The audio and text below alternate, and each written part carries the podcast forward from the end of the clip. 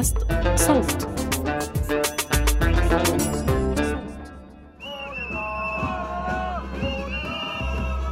خرجت أكثر من 200 مظاهرة في عموم فرنسا للاحتجاج على إجراءات تتعلق بالتدابير المتخذة لمواجهة فيروس كورونا. هذا المشهد مش جديد على شوارع فرنسا. خلال الأسابيع الماضية طلعت مظاهرات واسعة في مختلف المدن الفرنسية لرفض التطعيم الإجباري. والمظاهرات ما كانت محصورة بفرنسا إنما امتدت لدول أخرى منها إيطاليا وبريطانيا واليونان. لكن الوضع في فرنسا مختلف شوي وأشبه بحلقة من مسلسل ديستوبي. مرحبا أنا محمود الخواجة وهذا الموسم الرابع من بودكاست المستجد. في هذا البودكاست ما بنحكي أخبار بس بنحكي عن الأخبار عن التفاصيل الضايعة ورا زحمة العناوين. في يوليو تموز الماضي وافق البرلمان الفرنسي على مسودة قانون بيلزم المواطنين بطريقة أو بأخرى على تلقي لقاح فيروس كورونا. القانون بيحكي لك إنه لو بدك تفوت على مطعم أو مسرح أو سينما أو تركب قطار لرحلة طويلة مثلا لازم يكون معك جواز صحي بيثبت إنك متلقي للقاح أو نتيجة فحص سلبية. القانون صدر مع تزايد أعداد المصابين بفيروس كورونا في فرنسا. وبهدف وقاية المستشفيات من تخطي طاقتها الاستيعابية وعشان ما يضطروا يسكروا البلد كمان مرة. يعني نظريا كلام مقنع. بس عدد كبير من المواطنين الفرنسيين ما خرط مشتهم هالحكي. وطلعوا بمظاهرات واسعة في مختلف المدن للتنديد بالقيود اللي بيفرضها القانون. Aussi, il a aussi beaucoup travaillé sur les questions d'énergie, sur les questions d'écologie. أغلب المحتجين على القرار هم من معارضي الرئيس الفرنسي إيمانويل ماكرون زي حركة السترات الصفر بالإضافة لمحتجين من اليمين المتطرف. المحتجين اللي ضد تلقي اللقاح وضد بعض الإجراءات الاحترازية الأخرى عم بيتعرضوا للوصم بالإيمان بنظرية المؤامرة. رح نحاول نفهم ليش بعد شوي. من بداية الجائحة وإحنا عم نسمع عن أشخاص مقتنعين إنه كوفيد 19 مش خطير زي ما الإعلام عم بيروج وإنما عم بيتم تهويل هالظاهرة لإخضاع الناس واستغلال ذعرهم من أجل تمرير قرارات وسياسات معينة.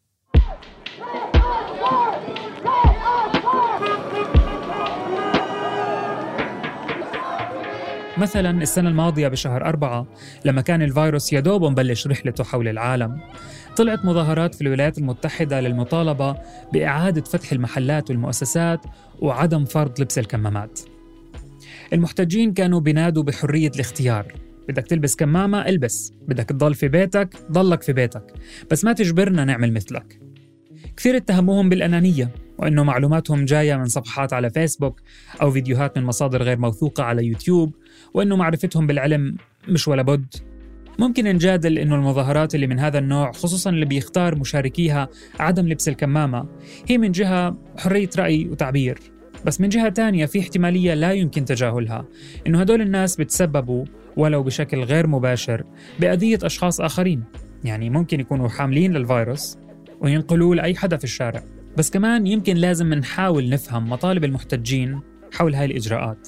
كونه عادة أي حدا بيعارض هاي الإجراءات والتضييقات بحطوه في خانة واحدة مع الناس اللي أصلا مش مقتنعين إنه في فيروس اسمه كورونا. في فرنسا مطالب المحتجين إجت تحت شعار واسع لا للديكتاتورية الصحية. يعني ببساطة ما حدا يحكي للتاني شو يعمل بجسمه. J'estime que c'est mon droit, c'est mon corps. On entend les féministes. هذا صوت سيدة مشاركة في إحدى المظاهرات في فرنسا. عم تحكي. هذا حقي. وهذا جسمي. سمعنا النسويات في كل أنحاء العالم عم يحكوا هذا جسمي. بس الآن ما سمعنا لهم حس. وهذا بودينا لمطلب آخر أو نقطة انزعاج أخرى عند المحتجين وهي استغلال شركات الأدوية العالمية للجائحة وفرضها نمط معين للعلاج لكل الناس على اختلاف أجسامهم.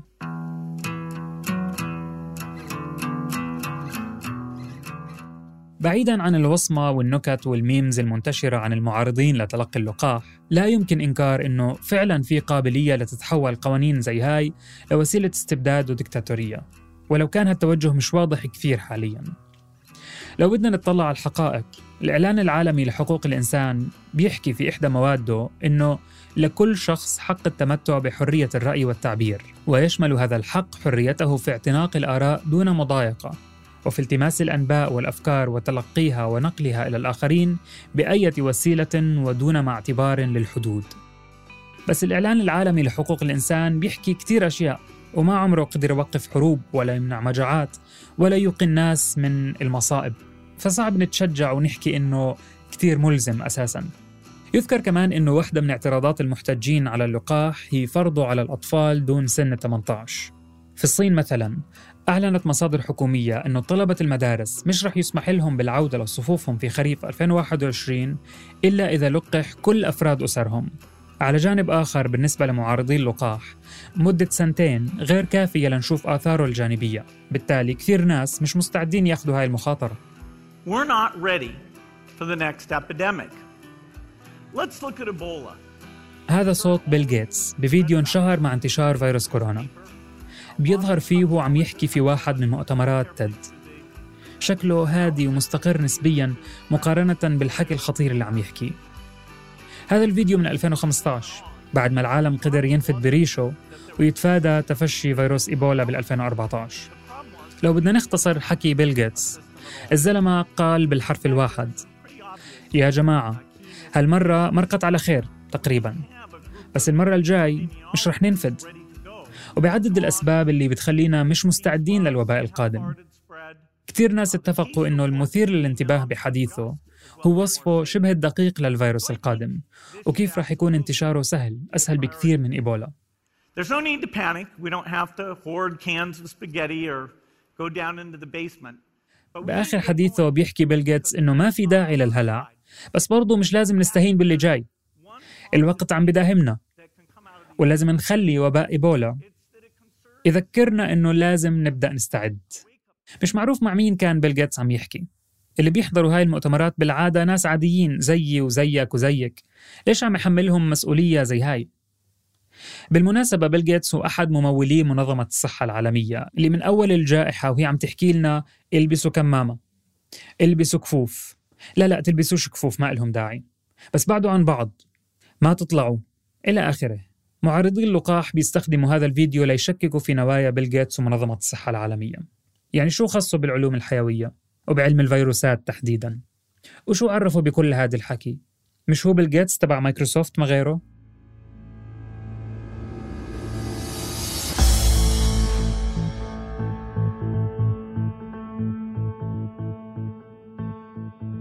من بداية الجائحة والناس عم بتشبه اللي بيصير في العالم بروايات بوليسية ومسلسلات ديستوبية. ممكن Black Mirror إذا حضرتوه واللي بيقدم واقع سوداوي غالبا مرتبط بالمستقبل. أو رواية جورج أورويل الشهيرة اسمها 1984 or to the future. To an age when thought is free.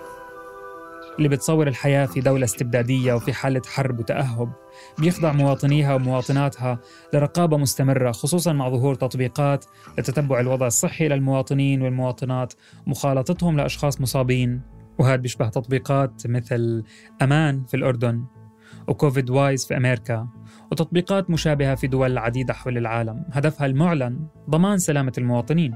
بس من أهم وظائفها تعقبهم. وفي بعض الحالات معاقبتهم في حال غادروا المنزل دون إذن. وفي بعض التطبيقات بتتيح للمواطنين يقدموا بلاغات بحق بعضهم في حال شهدوا أي خرق للأوامر المفروضة. هاي الإجراءات زادت من الشكوك تجاه مصداقية كلام الحكومات عند بعض الناس. مع اللقاح أو ضده الناس على اختلافاتهم كان عندهم مخاوف من هاي التطبيقات. بالتحديد فيما يتعلق باختراق خصوصيتهم وجمع معلوماتهم. المخاوف هاي مبررة جدا خصوصا بعد فضيحة كامبريدج أناليتيكا اللي صارت بال 2018 وقت ما اخترقت خصوصيات ملايين من مستخدمي فيسبوك والمشككين بحقيقة اللي عم بيصير في العالم يطرحوا أسئلة مش بعيدة عن المنطق. مثلا من متى الحكومات بتهتم بصحتنا؟ ما هي طول عمرها بتسمح ببيع الدخان والكيماويات والسكري على هيئة أكل. شو عدا ما بدأ؟ بس بالمقابل في إنجازات علمية لناس فكروا بخدمة البشرية زي اللي اكتشفوا لقاحات شلل الأطفال والكزاز وغيرها. رعتها الدول وأدت للقضاء على كثير أمراض بطلنا نسمع عنها في عالمنا اليوم. مساحة الغموض هاي ما بين تساؤلاتنا فتحت المجال لمنظري المؤامرات.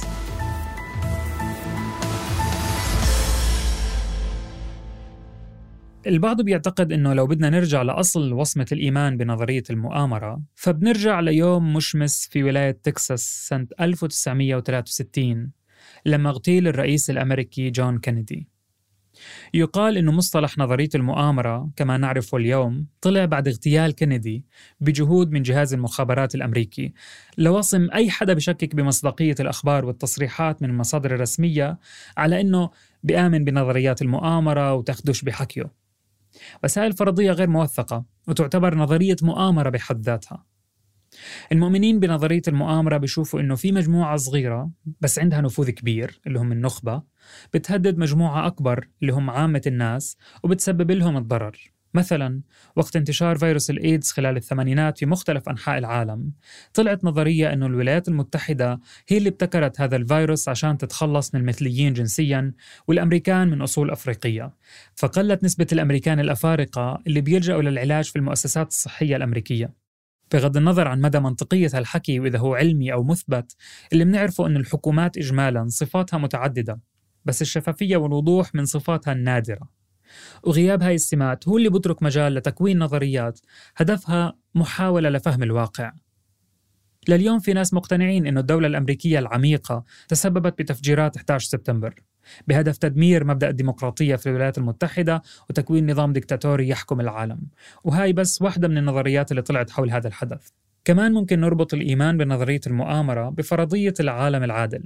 تحكي لكم هاي الفرضية أنه إحنا البشر بنميل للنظر للعالم على أنه مكان عادل. كل فعل فيه بيستدعي نتيجة من نفس النوع وهذا بيعطي المؤمنين فيها إحساس بالسيطرة والأمان وأنه الحياة إلها معنى. أبحاث علم النفس بتحكي لنا أنه الإيمان بنظرية المؤامرة رغم اختلافها عن فرضية العالم العادل إلا أنها بتأدي لتكوين نفس المشاعر اللي بتتولد عند المؤمنين بالفرضية. في دراسات تانية وجدت أنه الإيمان بنظرية المؤامرة بخلي الأفراد يحسوا بفردانيتهم وقدرتهم على التفكير بأنفسهم.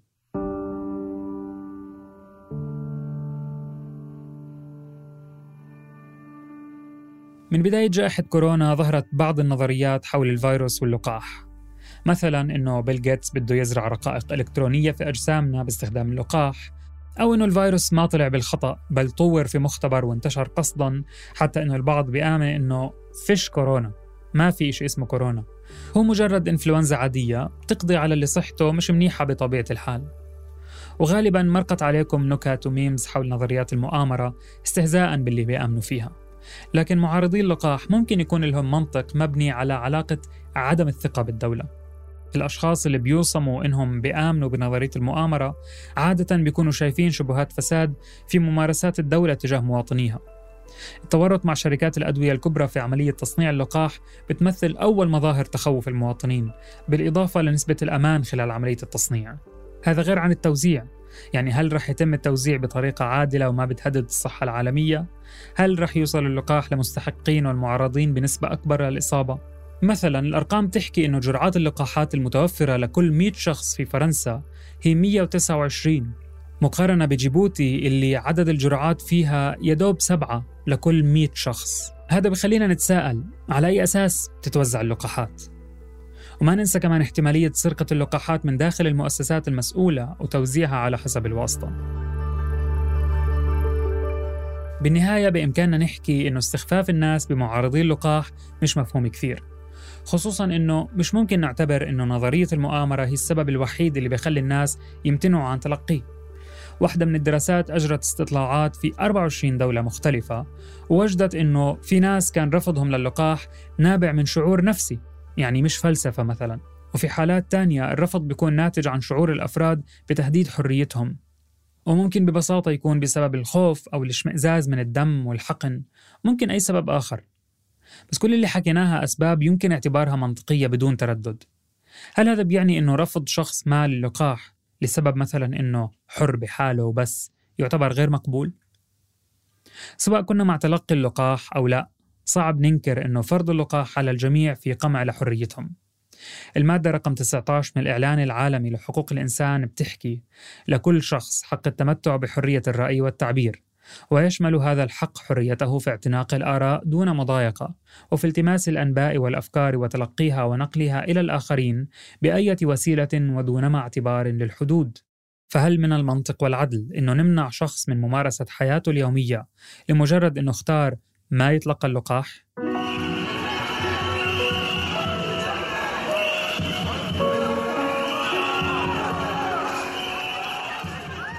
ممكن مرق عليكم هذا الفيديو في الفترة الأخيرة. بنشوف في ناس في أحد شوارع فرنسا منهم لابس كمامة ومنهم لا وعم يضربوا بعض.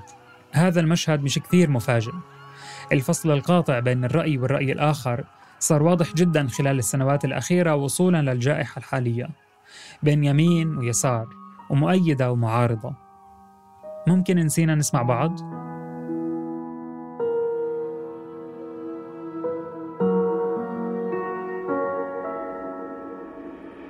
كنت معكم من التقديم محمود الخواجة من البحث أحمد إيمان زكريا من الكتابة جنى قزاز من التحرير عمر فارس من الهندسة الصوتية تيسير قباني. تأكدوا أنكم تشتركوا بقنوات المستجد وين ما بتسمعوا هاي الحلقة لتوصلكم تنبيهات بآخر الحلقات.